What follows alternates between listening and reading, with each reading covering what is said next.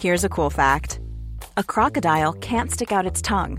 Another cool fact you can get short term health insurance for a month or just under a year in some states. United Healthcare short term insurance plans are designed for people who are between jobs, coming off their parents' plan, or turning a side hustle into a full time gig.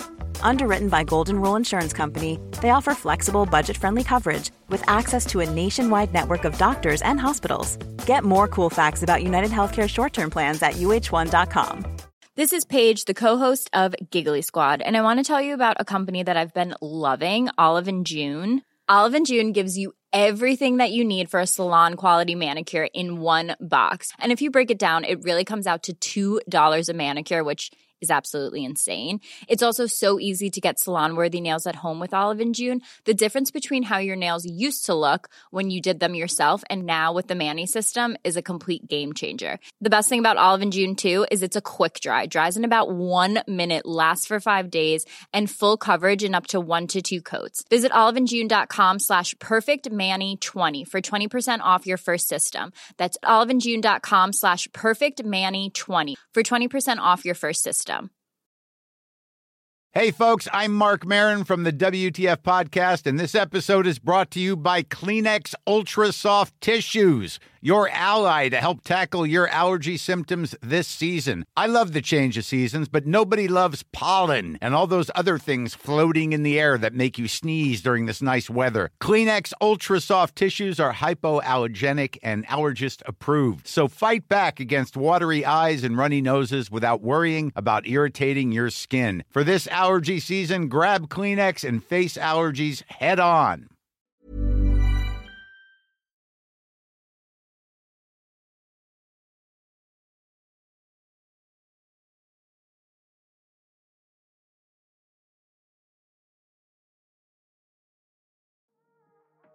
Det var för att jag var i en jobbig state.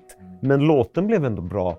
Så jag var så här för hård mot mig själv på vissa grejer. Var så, du var bara i, i en fas. Du kanske spelade över där, men du var i en fas. Du är äkta för den fasen du var i.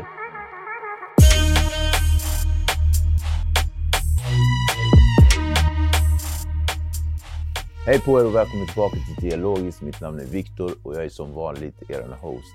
Vi vill fortsätta med att säga att vi är tacksamma över att ni subscriber, delar men framförallt tipsar era nära och kära om vår fantastiska kanal. Som sagt, och ni vet det själva, ni är en del av vår livlina. Så gå hit, tryck, and you know what I mean. Idag har vi besök av min kära vän och eh, jag ska inte höja han för mycket till skyarna för då blir han arg. Men Göteborgssonen Paran Pasuke är här. Han har levererat album som Lev länge, Pojk, hits som eh, Tranquilo, Fingertoppar och min favorit Dålig start. Välkommen till Dialogiskt! Hej! Knäppa grej! Tack så Va? mycket. Fan, äntligen är jag Ja här! men äntligen! äntligen! Eh, Fan. brukar, det finns vissa gäster som, eh, som det blir en sån start med. Det blir så här, första meningen, då säger vi så här, äntligen. Ja. Och då, har man, då betyder det att man har planerat saker i ur, ur, urtidens minne. Ja, eller inte ens planerat. Vi har ju bara hängt och Ja. snackat och vibat och sen har man inte tänkt på... Men det är en rolig grej för att jag brukar vara så i studion med vissa artister som jag tycker om. Mm. Det är som, du får folk fråga mig så här, fan varför gör du inte saker med den eller den Mm. eller den? Och så bara, många personer som, som jag har varit i studion med, så jag har bara pratat och vi har typ vibat istället. Så har vi inte jobbat eller gjort någon musik eller någonting. Mm. Eh, och det, det känns som en sån grej här, du vet att vi bara så här vibat nu. Men, men nu är jag här, nu är jag här. Vi råkade ses på något event och Mm. Precis. top of mind. Alltså, jättekul att se dig. Eh, jag vill Samma. också säga grattis till eh, podden. Ah, tack, tack. Vad, vad flummigt. Alltså, vilken, alltså, vilken curveball här om, för några veckor sedan. När du berättade för mig att du ska, eh, du ska göra den prylen och så tänkte jag så här, men det är såklart. Ja. Nej men det är, det är en, eh, vi har pratat om det med några vänner. Sami Bennett framförallt har jag velat göra det med. Det började med att vi typ eh, vi, höll, vi körde någon live-grej på Instagram och sen eh, man fick ju bara köra en timme Mm. och sen bröts det. Och sen så märkte vi att det kom flera hundra igen. Vi satte på den igen Mm. och så bara folk in och liksom lyssnade på vad vi sa och bla bla bla. Och så, så var det en Ja, timme just till. det, det kommer jag ihåg. Ja, och det var bara jidder och skitsnack. Och det var verkligen så här, okej, det var riktigt så här brorssnack, men det var ärligt och Mm. ofiltrerat. Och det blev kul och helt plötsligt gjorde vi massa yogaställningar och skit. Och du vet, alltså allt, du vet. Just Så vi bara, just fan ska vi, inte, ska vi inte... Och det här är flera år sedan, eller det här är kanske tre år Det är sedan. tre år sedan. Ja. Jag minns det. här. Men eh, sen eh, nu fick jag ju möjlighet att testa det i en em, riktig produktion typ med Sony och sådär. Så att jag, det är egentligen bara testa och se vad... För det finns många poddar och folk snackar om olika saker och jag gillar inte att vara överflödig eller säga saker som redan har gjorts. Jag vill inte, jag vill inte själv göra musik som jag själv redan har gjort. Alltså teman jag redan har rört vid. Så jag vill hitta en pocket där man säger, vad är jag intresserad av? Jag, jag betalar för Youtube, så jag går in och kollar på saker man kan lära sig saker av och så här, eh, typ hur man fixar grejer tekniskt eller eh, självhjälp och sånt. Eh, det finns mycket shite också. Men det är det jag vill... Vadå? Wow! Eh, innan, innan du fortsätter, det är jättebra. Ja. Men vadå, eh, på Youtube? Ja. Vad dum jag eh, låter nu. Men jag betalar också. Alltså, Ja. Finns inte det där för alla? Det här, det här med toolsen, att, vad man kan göra och så. Jo, jo, men jag menar, jag menar att jag är så mycket inne på Youtube att jag betalar Mm. Att för att betalar, så få bort, eh, få bort eh, liksom, reklamen. Och jag märker att jag är mer inne på det än typ Netflix och HBO och sånt där. För att jag vill hela tiden lära mig något. Och det har varit sedan jag var liten var det också så när jag, när jag ville läsa böcker och så, så, så ville jag läsa. Jag tyckte det var skittråkigt med deckare och, och eh, påhittade historier. Ibland kanske verkliga historier, det är intressant och någons liv inspirerar. Men oftast var det så här, hur gör du det här? Hur gör man en sån grej? Hur programmerar man? Eller hur mixar man en låt? Whatever det nu kan vara. typ. Hur städar du ditt hem? Det kan vara vad som helst. Men, men eh, det kände jag med podden med nu. Långt svar, men att så här, jag vill, min frågeställning är mer så här, hur lever man ett sunt liv? Och jag vill kolla med folk som man, jag inspireras av och typ se hur deras dag ser ut, hur deras rutin är. Jag tycker att det är skitbra teman som du har där. Och det, det, jag, det som kom upp i mitt huvud direkt när du pitchade den för mig, eller, eller vad man ska säga, när du liksom berättade för mig att det Berätta. var på gång. Så var det det här existentiella samtal. Att det är sånt du ville ha och så. Och, det- och jag vet ju vilka, jag vet i alla fall vilka gäster som är på gång och som har varit där och, och sådär. Så det är ju verkligen personer som kommer leverera kunskap och inre tankar och, Jag hoppas och det. lite sånt. Mm. Så det, Jag hoppas det. men när, jag lyssnade också där du sa precis innan här att, det är, att du vill inte återupprepa saker som andra har gjort helst. Helst. Det kan ju vara svårt. Ja, exakt. Eh, och, och inte göra musik som du redan har gjort eller samma sorts eh, mode som Exakt. tidigare. Är det det som är den drivande kraften i dig som konstnär? Är det? Jag tror det. Jag tror att nyfikenhet, alltså för min, så som jag funkar, vad jag har fattat i, i senare ålder, att, att så här, jag visste inte att jag hade ADHD förrän när jag var över 30, liksom, när jag fick min diagnos. Men också att så här, man gör en sak som man har, eh, liksom, först är man nyfiken och man är väldigt peppad på att göra det och så fattar man om man greppar det, oavsett vad det är. Det kan vara ett tema som du liksom eh, marinerar och skriver om och sen har du liksom, okej jag har känt att jag har knäckt koden på det här. Sen, vill du, sen blir du inte lika stimulerad av, av den grejen utan du vill liksom hitta en ny vinkel eller du vill hitta något nytt projekt som du är intresserad av. Så det tror jag har varit hela tiden automatiskt i mig. Det är inget som jag medvetet har gjort. Eh, utan det bara har blivit så. Och då har jag fattat att så här, ibland har jag tänkt att så här, fan vad tråkigt det är att göra musik. Jag gör musik, men då har det oftast varit att jag gör samma typ av musik. Det dig är på t- samma mål. Exakt, det, är så här, det låter likadant. Det Mm. är, samma, det är samma teman, det är samma så. Eh, det har varit tacksamt för att... Eh, För, trots allt så levererar du ju varje gång. tack. Alltså, så är det ju. Tack. Men det är, det är, liksom, det är väl en, en positiv... Det är inte... Det är, framförallt är det ju att eh, jag differentierar mig även mot mig själv och vad som är trendigt. För att, eh, och det är inte, som sagt inte medvetet. Det har bara varit en sån här grej där, där jag, eh, jag blir inte stimulerad av att göra någonting som jag känner redan finns eller jag redan har gjort. Så det är bara automatik typ. Ser du skillnad på eh, Param artist? Alltså Param, hur länge har du varit artist? Du har varit artist, vad är det, 15 år? Eh, men tio år professionellt. Det blir tio år nästa år. Ska jag ha lite jubileum då kanske. Nej, det är lugnt. men jag har hållit på med musik sedan länge. Jag har hållit på sedan... ehm, Jag spelade piano först. Det var min första. Jo, jag spelade fiol till Jag kommer ihåg att du spelade fiol för att eh, alltså, vi har ju snackat om det här eh, på förra, alltså Ni med oss-grejen, kommer du ihåg? Out Just det, West? Den way vi, back. den Just grejen. det, just vi snackade det. om, där hade vi en likhet, jag har också spelat fiol. Men Är det jag, så? jag är taktlös och, och, och kan ingenting. Men melodifull. Och, så, alltså, det lät som fan. Så jag kommer ihåg att du hade spelat fiol. Just det. Men, förlåt, jag, jag skarvade ditt svar Nej. där. Men hur, vad är det för skillnad på Param-artisten idag och Param-artisten då för 10-15? Bra fråga. Ehm, Pojk liksom. Ja men först och främst, du vet, jag kom ju upp med Vic Vem och vi hade liksom Kapten Röd och Medina under oss. Så att eh, det var våra liksom inspirationer.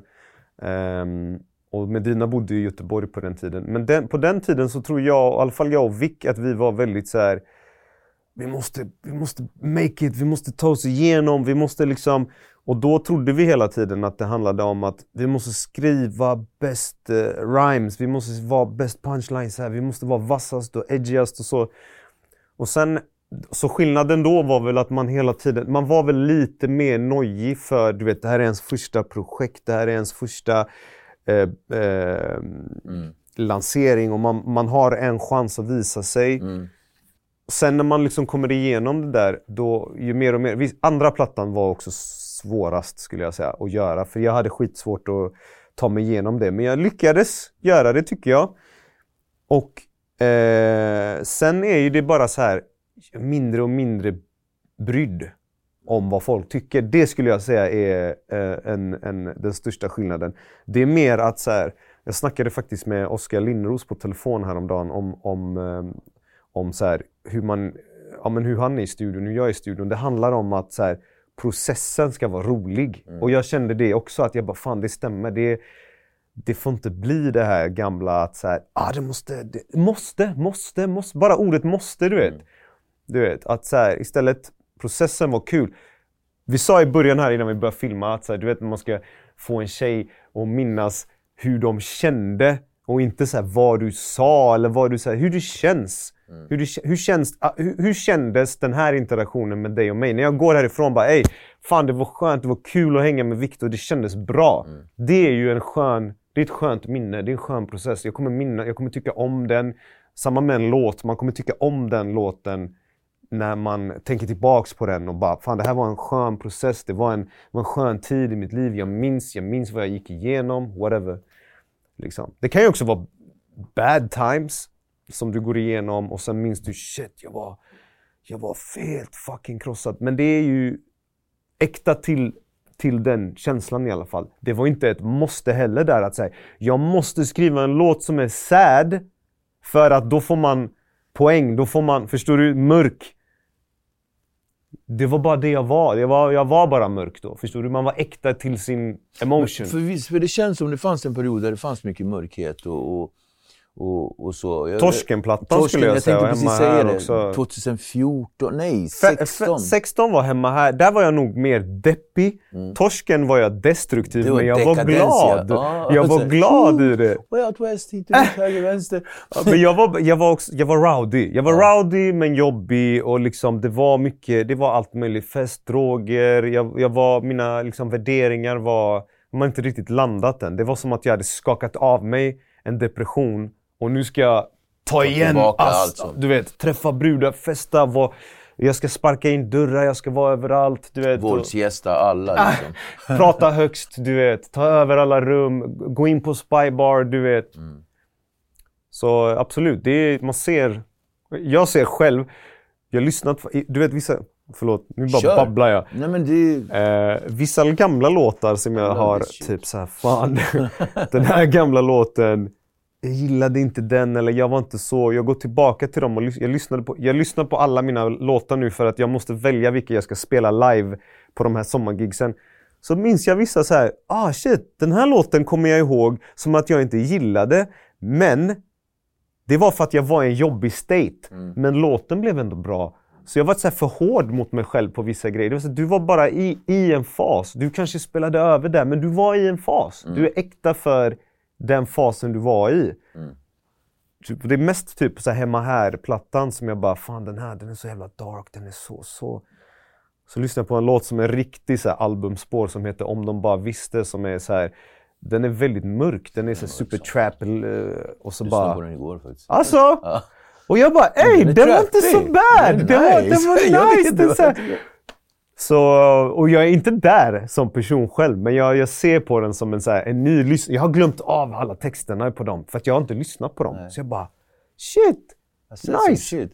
Good for me! Men du, Mm. alltså förändringen då som, som kom eh, så, så småningom, kan det varit den här resan till, till Iran efter 28 år? Typ?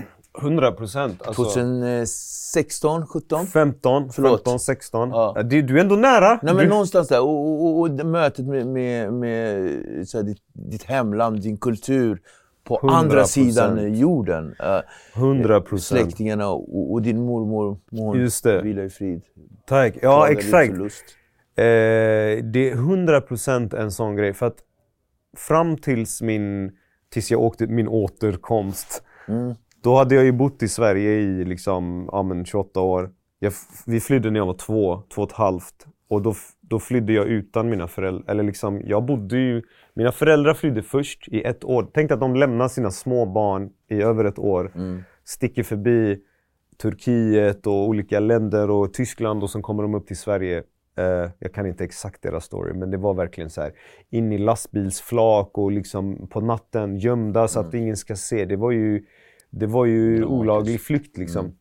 Eh, och vi bor kvar i eh, Iran, jag och min lillebror, med mormor och morfar eh, i ett och ett halvt år. Och sen kommer vi. Så att när jag kom till Sverige som barn, då kände inte jag igen min, min mamma. Liksom. Och sen så tog det ju, då blir vi liksom akklimatiserade och så. Och sen är det många år där jag eh, har liksom nästan förträngt min bakgrund. Eller, eller liksom så ah, nu bor vi här, nu är det så, här är, nu är vi i Sverige. Lite så här, jag ser på mig själv som jag, jag har haft en husplattefas, du vet, som, som jag som jag tycker är synd att jag inte liksom så här, tog mig över tidigare. Förstår du? Att jag inte så här, fan det här är mina... För vi pratade knappt på telefon med Iran. Vi fick VHS-band med, ja, med bröllopsvideos var tredje år kanske. Och då bara, "Ey, ja, okej, där är min kusin, vem är det? Du vet, det är massa människor, jag vet inte vilka de här är. Men sen så, till slut, åker jag tillbaks och blir liksom översköljd av en kärlek som jag aldrig har känt i mitt liv. Var den, var den eh, lätthanterlig? Den var, den var överväldigande. Den, var, den var överväldigande. Jag nästan drunknade i den för att det var så ah, Vem är du? Vem är du? Och jag, blev, jag blev liksom så här hyper och ville ta igen så mycket. Jag ville upp, jag kunde inte sova. De första nätterna jag var i Teheran i, mitt, i min mormors hem eh, och så bor de grannar liksom med mina kusiner. Vi bor väldigt nära. Man kan gå, det är generationsboende liksom. Så jag gick upp på eh, tidigt, jag somnade sent och gick och kollade ut i fönstren lyssnade på de här eh, böneutropen, lyssnade på bilarna som går och säljer, du vet, de pratar i megafon och de säljer frukt där nere. Det var liv, det är liv och trafik och det är kärlek och värme och liksom så eh, det bara, det var för mycket nästan. Det var så här färgerna, dofterna. Du vet, lampor flimrar på en annan frekvens där. Allt sånt där. Vär, värmeväggen. Jag kommer ihåg att du berättade det, att Ah. lamporna flimrade på en Jätte- helt annan... Jag Ah. minns det faktiskt nu. Det är sjukt. Du vet den där väggen när man åker till ett varmt land. Mm. Det är så här, okej Det nu, nu är jag in. Nu är jag här. Och jag kommer, och jag kommer ihåg eh, också det du berättade, att när du kom tillbaka hit så ville du bara åka tillbaka. Och jag tror att du åkte tillbaka ganska snabbt igen. Ja, jag åkte nästa år. Jag åkte ibland två gånger per år. Jag, blev, jag blev superdeprimerad först. Första när jag kom tillbaka till Sverige efter första gången. För att jag insåg att shit, vad har jag gjort? Mm. Hela mitt liv. Vad har jag...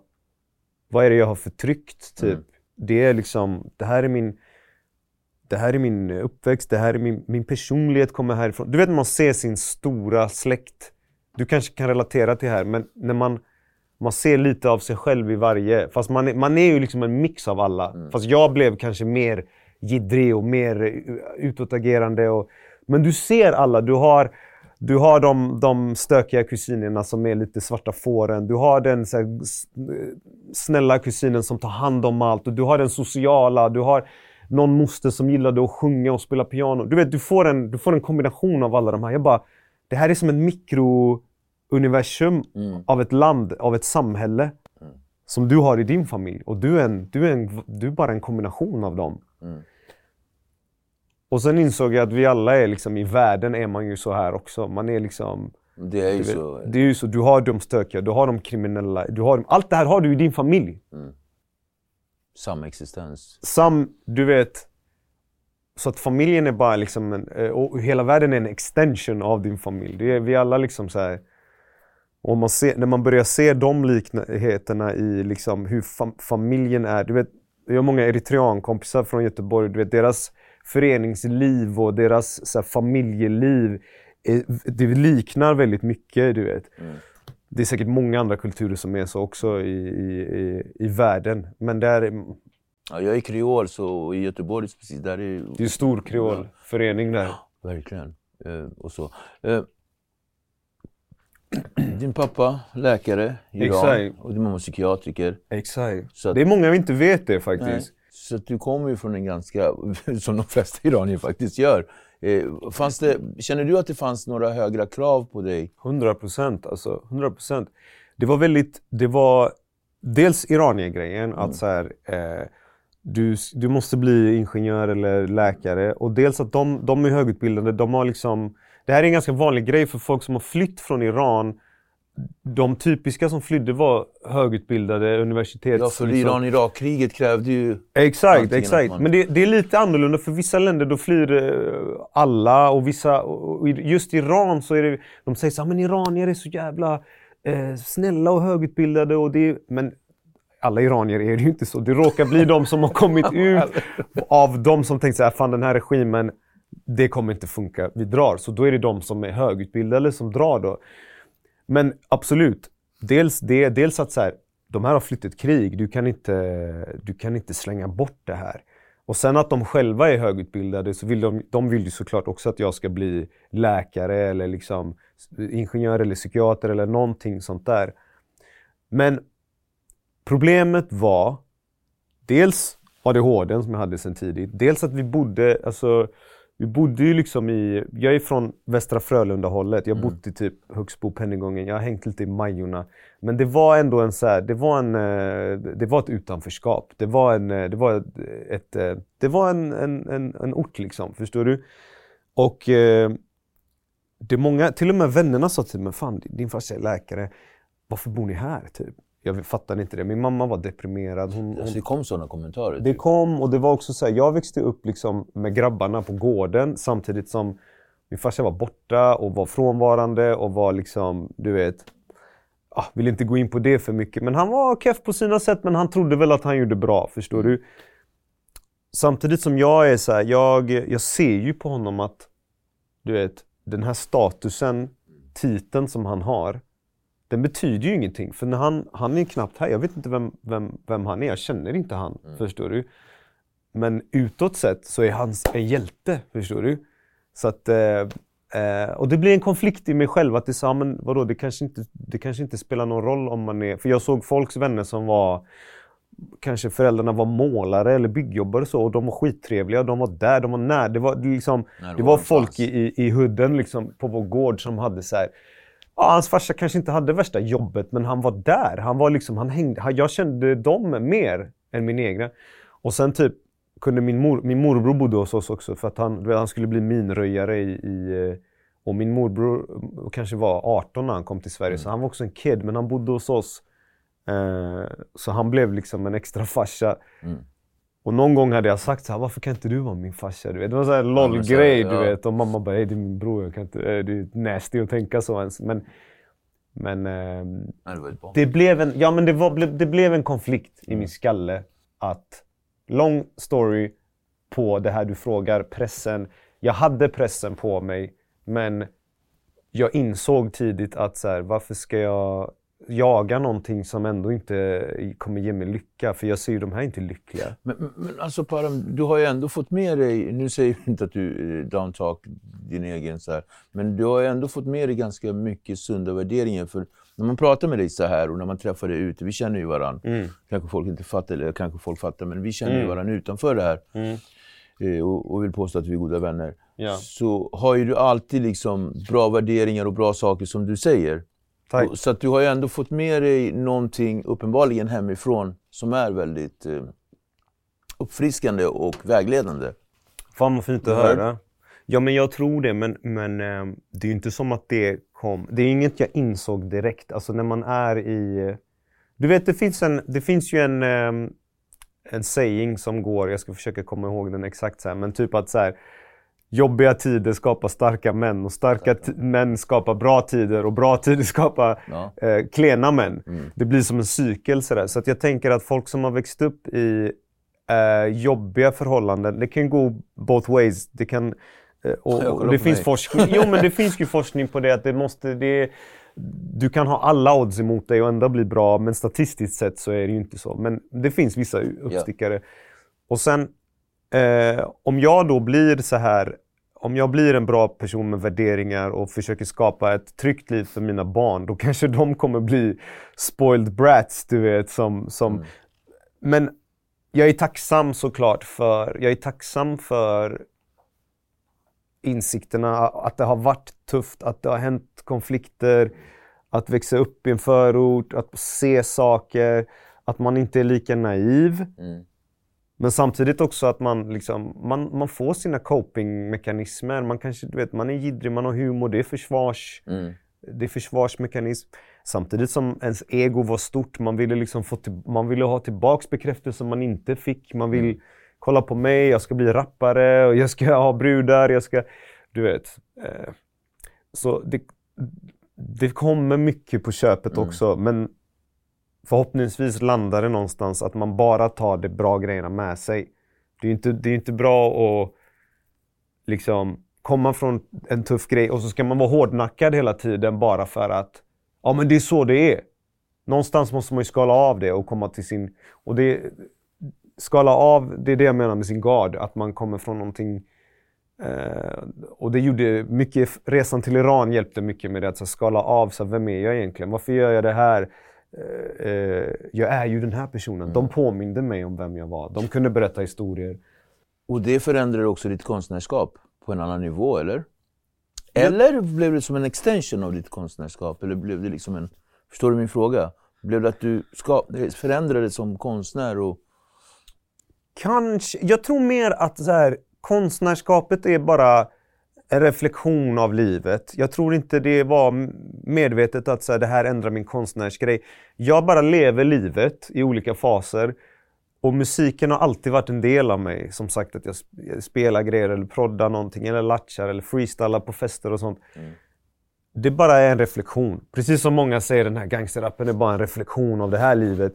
Det är samma sak där, en konst rent filosofiskt, konst tror jag bara är en, en reflektion av livet av, på olika sätt. Du vet, man ser olika urminnes ingraveringar på, på stenar, på träd och djur och sånt. Det var ju konst för att deras liv såg ut så. Det var träd och djur de såg. De var ute och jagade.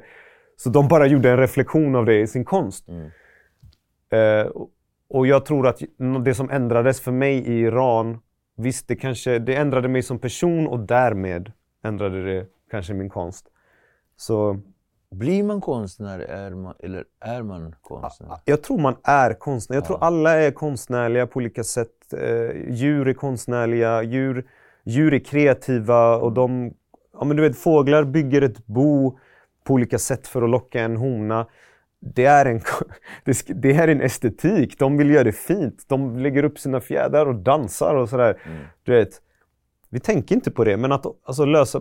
Fucking kriminella är kreativa. De kommer Ja. på grejer. Hur ska vi ta oss in där så inte kameran ser oss? Ja, det, alltså alla vi har det, mer eller mindre. Vissa kanske inte tappar into it. Och sen har vissa så här, en ödmjukhet i att säga, nej men, eh, alltså jantelagen också. Så att det är också... Vilken är din mest kreativa period? Är det nu? Är du där nu? Jag tycker att jag... Fan, jag hade en snack med Thanos om det här att så här, konstnärer... Vi har en förutfattad mening om att man måste vara i en mörk period för att vara kreativ. Men jag skulle säga, för mig är en glad och eh, eh, eh, clear, clear-minded som inte har massa störningar. Det är en kreativ... levererar du som bäst. Jag skulle säga det. Däremot liksom historien jag berättar kanske ändå kommer från en annan mindstate. Mm. Jag har svårt att vara kreativ när jag är arg eller besviken eller ledsen. Eller, för då är jag, när jag är arg på någon, då är jag ju hämndlysten. Då är jag ju så fucking... Och så måste jag lugna ner mig. Mm. Och när jag är clear-minded, då är det mer lekfullt. Jag tror lekfullhet är en... Jag tror lekfullhet, vi säger det kontorslandskap, folk jobbar, folk har liv och familj och är stressade med deadlines och så. Eh, men jag tror, är man på en bra mindstate, då kan du vara kreativ. Du, du har råd att slösa lite tid på det här. Du, har, du behöver inte tänka fan jag måste ha in pengar nu för det här. Utan säga, jag gör vad jag vill. Ja, men det här var en rolig idé. Mm. Det, här var, det tror jag tar bort eh, filtrerna från att så här, ja, men gör inte det där för det, kommer, det, kostar bara, det där är bara slöseri med tid. Gör inte det.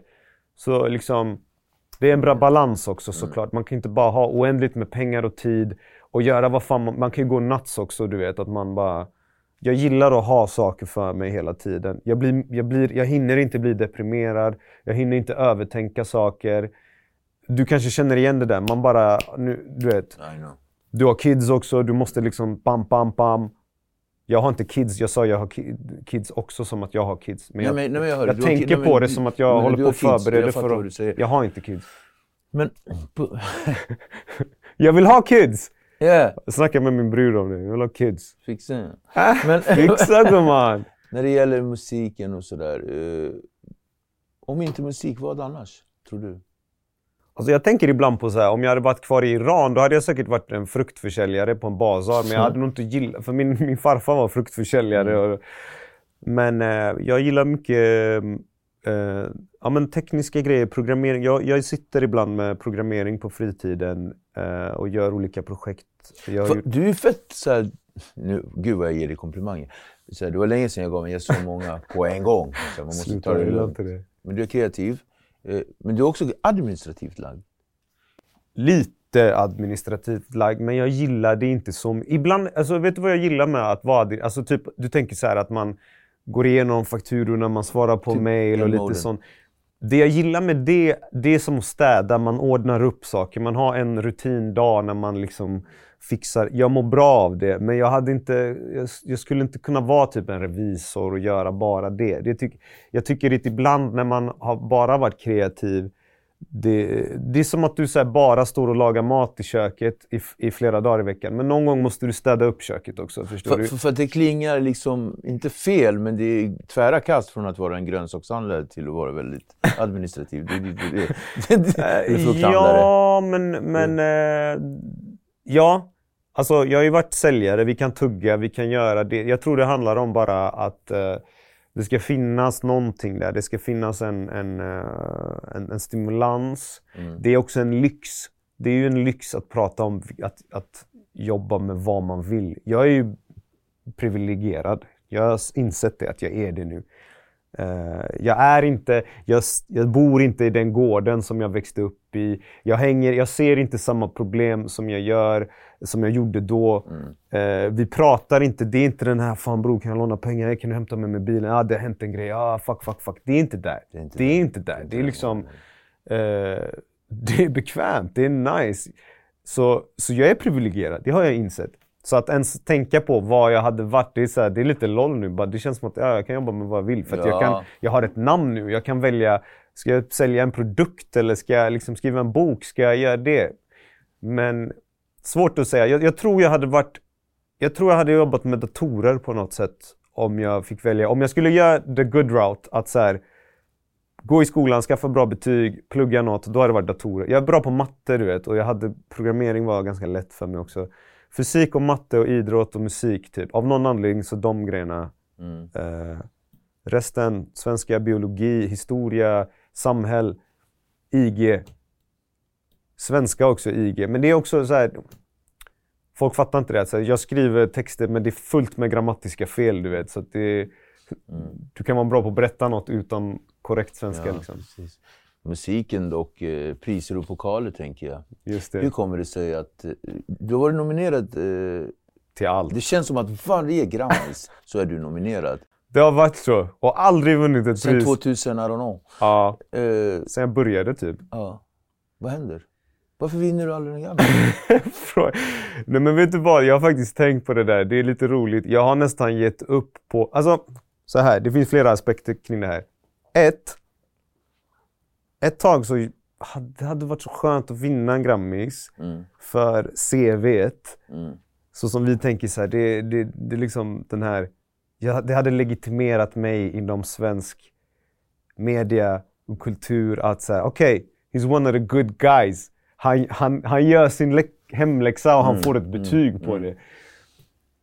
Samtidigt så är det skönt att skita i det för att det är bajsnödigt att så här, jaga någonting och sen få det sen what? Liksom, du ska bara, jag, jag, det, det ändrar ju inte min konst. Jag är ju inte mer eller mindre konstnär för att, för att jag har vunnit eller inte. Det är bara vad som har funkat och passar och den här juryn. Och, du vet, jag är ganska, för att vara en rappare så är jag, jag brukar säga att jag är Sveriges vanligaste rappare. Jag har inget spektakulärt att berätta. Jag är liksom en vanlig person. Jag lever ett vanligt liv med rutiner. Jag går upp sju på morgonen, jag går och lägger mig elva. Jag tar min kaffe, du vet, jag svarar på mail. Jag har inga skandaler kring mig. Eh, så att jag är på ett sätt en så här... Det blir, för en medie, ett medielandskap så är det en tråkig person, förstår du vad jag menar? Eh, I en, i en, i en eh, Fast i det här fallet så är ju inte det som att du ska jaga det här. För att de jagar ju dig. Om de liksom nominerar dig varje år så är det som att du blir jagad. Ja, kanske. Ja, kanske. Nej, men det... Det är någonting. Jag, jag kanske, det kanske är mina egna mm, självosäkerheter att jag känner mig fortfarande inte som en artist i den bemärkelsen som en artist är. För att jag, i mitt huvud i Sverige så är en artist fortfarande så här, en kille som är egentligen över 30 och typ har blonderat håret och går med rosa byxor och du Typ vet... Yung Lean. Nej, ja, men han är inte över 30. Men, men, ja, ja, men typ det är där typ att där, det är så här super... eh, gillar Yung Lean, jag vill inte använda han som exempel. Men Nej, någon som är liksom lite past his time och är lite för vuxen för att hålla på sådär. Typ. Förstår du vad jag menar? Och, och gömmer sig bakom en så här omogen... Jag skulle säga Yung Lean är fortfarande en ung kille som, som experimenterar och hittar sig själv och har inte kommit dit än. Men han, gör, men han är superäkta bara. Och bara, du vet... Medan en, en person som är så här 35 och är, du vet, du ser den här skäggstubben som är så här, och du, du klär, du vet, du så här, jag ser att du har lagt på en show. För att du går in där och gör det och sen går du hem och är liksom, tar du av dig de där kläderna. Du är inte den där personen. Fattar Nej, du? men det där är verkligen Sånt där inte syns. Det Verkligen inte. Så det är det. Jag, jag är inte den personen. Nej. Och det är därför, men det premieras i dagens... Eh, Men- Åsikter då? Kontroversiella åsikter. Jag frågade dig lite innan sådär. Mm. Vilken är din mest kontroversiella åsikt? Har du någon kontroversiell åsikt? Jag tänker, eh, jag, jag funderade på det eh, lite. Det är en bra fråga som kommer nu eftersom jag säger att jag är typ vanligaste. Tråkig snubbe. Tråkig. Alltså jag, jag tror inte jag har... Jag kan inte komma på någonting nu. Alltså för att... Det, det skulle vara i så fall om det är kopplat till någon samhällsaktuell grej som man kan ta ställning till. Och vad är det nu? Liksom, det är ju inget, ingen vill att det ska vara krig. Eh, alla tycker det är jobbigt med den höga räntan. Eh, sen vet man inte så här, ja ah, visst jag, jag är, man är liksom socialistiskt lagd i grunden. Efter den här pjäsen jag gjorde med Lena Endre, den här Tillbaka till Rams, den handlar om varför blir alla, eh, alla som har kommit från en underklassmiljö, när de väl blir äldre och de får liksom stabilitet och sparat pension och pengar och har lite fonder, så switchar alla över till en, en eh, moderat... Det är liksom, skumt. Alltså, Det är skumt, men det är liksom bara en, en Varför är det så? Alltså jag tror väl någonstans att man man fattar att liksom, man vill ha en bekvämlighet. Man vill ha, man vill ha den ekonomiska säkerheten för att staten, man lägger inte förtroendet i, i någon annan. Jag lägger förtroende i mig själv att jag är en man som går ut och hämtar det jag behöver och sparar och ser till att bygga ett skydd runt det här och det här är så, så, så. För att jag vill inte bara vakna upp när jag är äldre och ska gå i pension, det finns inga pengar. Det är så ja men fan staten borde gjort det här och så ska jag gå ut och demonstrera när jag är 67, 68. Och bara, varför tog jag inte ansvar för det själv? För det har jag lärt mig i, i, i mitt arbete till exempel, är det att bara ta ansvar själv. När du är din egna chef, mm. du kan delegera ut grejer men, men det är jag som står bakom allt det här. Du kan inte du kan inte bara vänta. Det är att alla, det är upp till dig att kontrollera. Har du gjort det? Har vi ju koll på det här? Är det här ska det här in? Eh, och samma med liksom det här med att, eh, att inte lägga för mycket på någon, någon, någon, annan. Det är vårt egna ansvar. Sen visst, det är bra att ha eh, skyddsnät i samhället för de som är mest marginaliserade. Det är bra, det är bra att liksom ha en familj runt sig som man kan... Det är också ett så här, vi är inga ensamvarelser som kan mm. göra allting själv. Mm. Det får man förstå. Man är ingen one man army. Ingen är det. Eh, man, man, ska kunna ringa och be om hjälp. Man ska kunna, fan, mina släktingar i Iran har skickat pengar ner dit och det är så här, det händer grejer. Nu är morfar sjuk och det, jag kan, jag, det är så här, du, ni behöver inte betala tillbaks det där. Det, det, sköt det där liksom. Saker händer, förstår du? Hur vill du bli ihågkommen? Ihågkommen? Vet du vad en intressant grej är? Förr så tänkte jag på att så här, du vet, man vill vara the, the golden child och vara, du vet, man har en sån här, så narcissistisk läggning där man bara, jag ska vara känd för den här, efter jag gjort den här plattan då kan jag dö och sånt. Men jag tycker det är löjligt nu. Idag har jag tänkt så här, jag vill bli ihågkommen bland mina nära som den här en fin, varm person och, och äkta i alla fall. För att mm. jag, jag känner att jag vill att de ska känna att de kände mig. De vet vad som pågick i, i, i mitt huvud, i, i, min, i mitt bröst.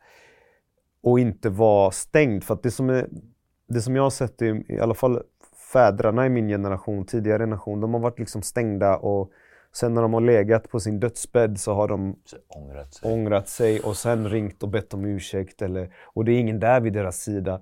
De vill liksom lätta sitt samvete innan de dör. Mm. Och det är en typisk grej man kan höra i många så här, vad jag ångrar att jag gjorde ja. när jag dog. Så det, det, är samma grej som återkommer. Jag önskar att jag var med med min familj. Jag önskar att jag inte tränade så mycket. Jag önskar att jag levde mer och inte jobbade så mycket. Sådär. Mm. Så det tror jag. Men jag har en till fråga då, som är lite så här. Vad värderar du som högt men som du anser att andra inte gör? Jag skulle... Det, det är lite samma grej i att eh, väldigt vanlig grej i eh, Iran till exempel. När jag åkte dit med min eh, ena eh, farbror som är brottartränare i Iran, landslaget där för kidsen. Han ville ju visa runt mig och det var skitfett såklart. Det var jävligt fett. Eh, nu kommer bara en bakgrundshistoria för att go, komma go, go. Till, din, till, din, till ditt svar. Eh, han ville liksom så här, ja, men på ett sätt visa hur fett det är, skryta lite och bara kom, jag plockar upp det med den här bilen och det är här, här bor vi och här är, här är det här stället. Och jag kände att det här var, det är såklart fett att åka dit. Varje ställe man åker till och ser feta grejer, hända feta grejer. Ja, jag chillar här med Hassan Yazdani som är liksom, mm. du vet, olympisk guldmedaljör i brottning. Um, men det jag, jag märkte mer och mer att jag, jag jag lär inte känna min eh, farbror. Det är dig jag vill lära känna. Det är dig. Vad är dina liksom... Uh, vad är dina uh, bekymmer? Vem är du? Vad, vad är din historia? Vad är din uppväxt? Det blev bara ytligt, du vet. Och det kom till en punkt där jag sa till honom också så här. Det blev lite av en sit-down. Det var så här, du vet. Amo, jag är här för din skull. Jag är, jag, du, du, behöver inte ta mig på de här grejerna. Du behöver inte säga de här sakerna. Jag vill veta vem du är. Jag vill veta vad din historia var. Och, um, och då var det också en, en, en liksom period där jag var, hade dålig kontakt med min farsa. Jag kände att det var så mycket lögner i familjen och att man då döljde grejer. Och, uh, um, det var en front. Mm. Så en värdering är ju att jag tror att vi du vet, sanningen kommer alltid fram till slut. Historiskt sett så kommer sanningen alltid komma fram. Det kan komma efter att du dör. Du vet, vissa människor lever ett helt liv i en lögn och sen visar sanningen att så, ah, shit, den här personen var homosexuell. Han, han eh, hade flera eh, barn med den här kvinnan men gjorde det här på sidan och så kommer det jättemycket konst och dagböcker bara mm. kommer upp till ytan om att så här, shit den här, wow. Sanningen kommer fram. Mm. Men vill du vara då en person som lever i en lögn hela ditt liv och sen lägga på en front för att det är det som är tidens anda. Eller liksom vara den du är direkt. Så det, det är bara det här. Min värdering är väl liksom så här, jag värdesätter äkta människor över framgångsrika. För jag har också en så här, framgång kan vara deceiving. Det kan också vara så här, när jag ser, i början när jag såg upp till personer kring mig i min uppväxt, på gården. Jag såg upp till dem. Då glömde jag alltid eh, att inse att alla har en svaghet. Att mm. alla har någonting som de är dåliga på. Att de kanske slösar pengar dåligt eller de har dålig karaktär på nå någonstans. Det finns alltid någonting. Och så, ju, det var någon gång som jag insåg det. Det var två tillfällen som jag... Det var två olika nära vänner som det skar sig med lite. Och då insåg jag, okej okay, de här är vassa på det här de gör. Och de är jävligt inspirerande. Men det finns någonting här bak. Mm. Och då insåg jag att alla har det här. Min farsa har det, jag har det, alla har det. Och då är det så här, Insikten i det var, köp inte liksom... Men, men, men, blev den insikten, ja, jag förstår ditt svar på det här med mm. att värdera högt. Men blev den insikten slående på ett negativt sätt eller blev den berikande och eh, lärande? Den var, den var ju slående först då när det blev en konflikt och vi blev ovänner. Men det blev ju berikande såklart efteråt. För att varje person man, man träffar som man ser upp till tänker jag alltid så här. Eh, ta det med en nypa salt. Mm. Var försiktig. Försök att hitta alltid red flags när du träffar någon. Det kan vara en relation, det kan vara en arbetskollega, det kan vara vad som helst. Det är alltid nyttigt att ha det med sig att alla vi är människor. Det, fin det finns ingen som är perfekt. Mm. Och den grejen är också intressant att ta in i ett jobb också när man säger det finns ingenting som är perfekt. Datorer, mobiler, allt. Du vet, det finns buggar i dem mm. också. Allt är imperfekt. De, de, vi måste släppa den eh, tanken och ju fortare man gör det, desto lättare är det att bli nöjd med tillvaron. Att det kan inte vara... Du vet, för att visst, du kan välja att bygga ett hus som ska vara perfekt för dig. Mm. Sen märker du att du kan ju inte välja dina grannar. Byggde du på fel ställe? ja, men alltså fattar du? Du kan ju inte välja allting. Du kan göra så mycket, så mycket, så mycket som du kan och sen inser du att ah, det är inte perfekt ändå. Jag önskar att jag växte upp där, eller jag önskar att jag hade den grannen, eller jag, mm. jag skulle kunna köpa och så ta in... Du kan inte. Acceptera bara att så här, det är inte så. Folk är inte perfekta. En låt behöver inte vara perfekt. Det är inte så här, du kan mixa sönder den i åratal. Och det gör inte det bättre ändå. Du kommer tappa känsla bara. Så det, den insikten är berikande i att man inte fastnar för mycket på mm. saker också. Att man inte, man inte ser upp till ett... För att det finns, det finns, man kallar det för magi. Mm. Uh, det är något magiskt med den här personen. Det finns någon aura. Det är en... Uh, och jag tror, jag är spirituell. Jag tror på att det finns en, en energi i universum. Och den, men den energin det är liksom inte så här, Visst, du har en, en viss uppsättning gener och du har förutsättningar och din, din kropp och din hjärna och din själ har gjort att du eh, är den du är. Mm. Men, men det finns också vissa stunder i livet där allting klaffar. Stjärnorna står rätt till. Allting runt dig bara flyter på.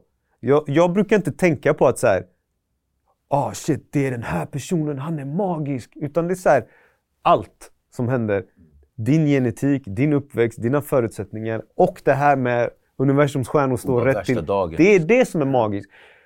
Bygga inte upp en person. Som sagt, det finns ingen one man army. Bygga inte upp han. Det är, allting klaffade bara här nu. Mm. Och det är en stund i tiden. Och det är som så här. Okej, okay, är du magisk? Gör det där igen då. Gör det där igen om tio år. Fattar du? Probably not. Mm.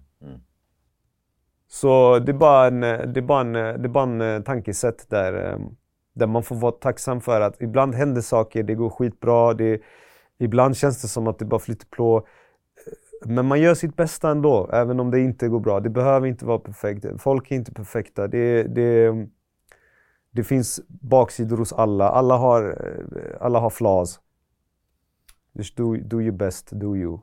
Mm. Param. Allting klaffade och det här blev jättebra faktiskt idag. Fan vad nice! Ja. Eh, dialogisk loggboken. Mhm. Eh, det är den här boken där gäster skriver någonting. Eh, citat, fråga, tankeställning, undringar, bara funderingar. Eh, om man får den från en tidigare gäst, Mm. svara på, på, på det, kommentera det. Eller liksom.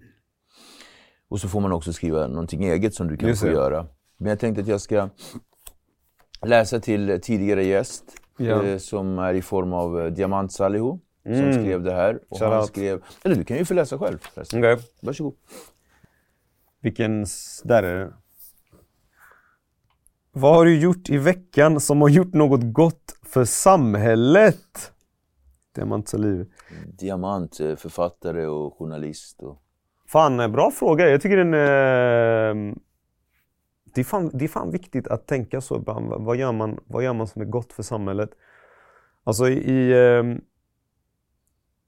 ja, jag har ju släppt en eh, ett podd med ett snack om, om hur man ska leva ett sunt liv. Det tycker jag är... Alltså om man... Om man det, allt som jag gör i min konst och min musik både bra och dåligt, liksom, både bra eh, eller dåliga liksom, historier och sånt. Jag tror att det, så länge det väcker ett frö hos någon eller känner att någon, någon kanske känner att så här, jag kan relatera och jag är inte ensam.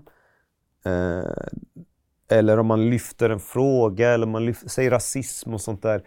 Jag tänker väl att på samma sätt som jag hade behövt typ eh, känna mig älskad och inkluderad och normal om någon annan kan få någonting, det är bra. Det, det, det, jag gör det inte medvetet men, men eh, jag, jag tror att vi behöver en, en kärleksera, en hippie-era. Det behöver, komma, eh, det behöver komma en period där vi är mer där. För det är mycket negativitet i världen nu. Tycker jag, jag vet inte. Alltså, det är svårt att mäta sånt här. Men jag tycker att det, mycket som händer är väldigt dystopiskt. Det kan också vara att vi har tillgång till media och det, man ser det mycket mer nu. Men jag tror att vi behöver en, en, liksom, en, eh, en sån period där man utgår från kärlek från början.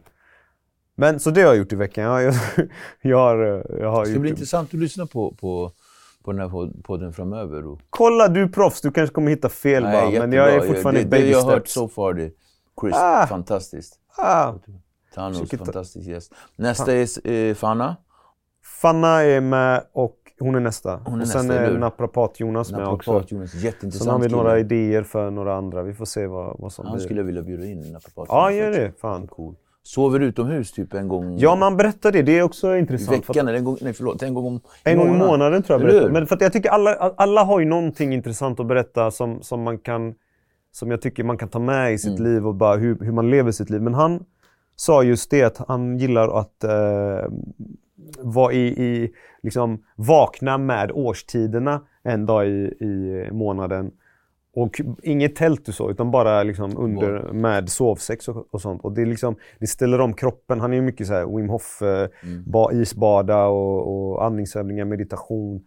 Ehm, jag har aldrig testat att sova ute där, men jag, jag gillar tanken av att här, vi är ganska detached från naturen. Ja, varför, inte, varför inte testa att sova någon gång i utomhus och vara... Var inne, vissa säger så här, var barfota, känn, känn på träden, var här, det är här vi kommer ifrån. Ibland är vi lite för skyddade i...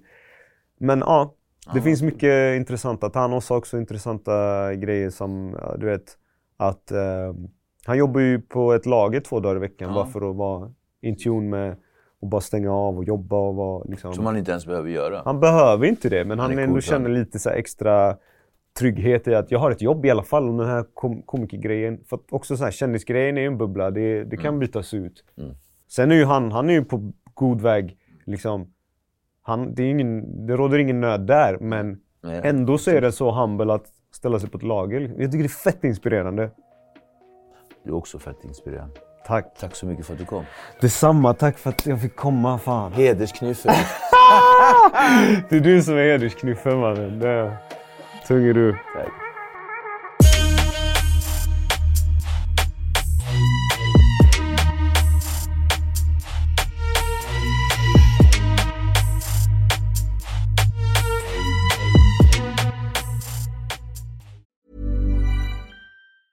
Hey, folks, I'm Mark Marin from the WTF Podcast, and this episode is brought to you by Kleenex Ultra Soft Tissues your ally to help tackle your allergy symptoms this season. I love the change of seasons, but nobody loves pollen and all those other things floating in the air that make you sneeze during this nice weather. Kleenex Ultra Soft Tissues are hypoallergenic and allergist approved, so fight back against watery eyes and runny noses without worrying about irritating your skin. For this allergy season, grab Kleenex and face allergies head on.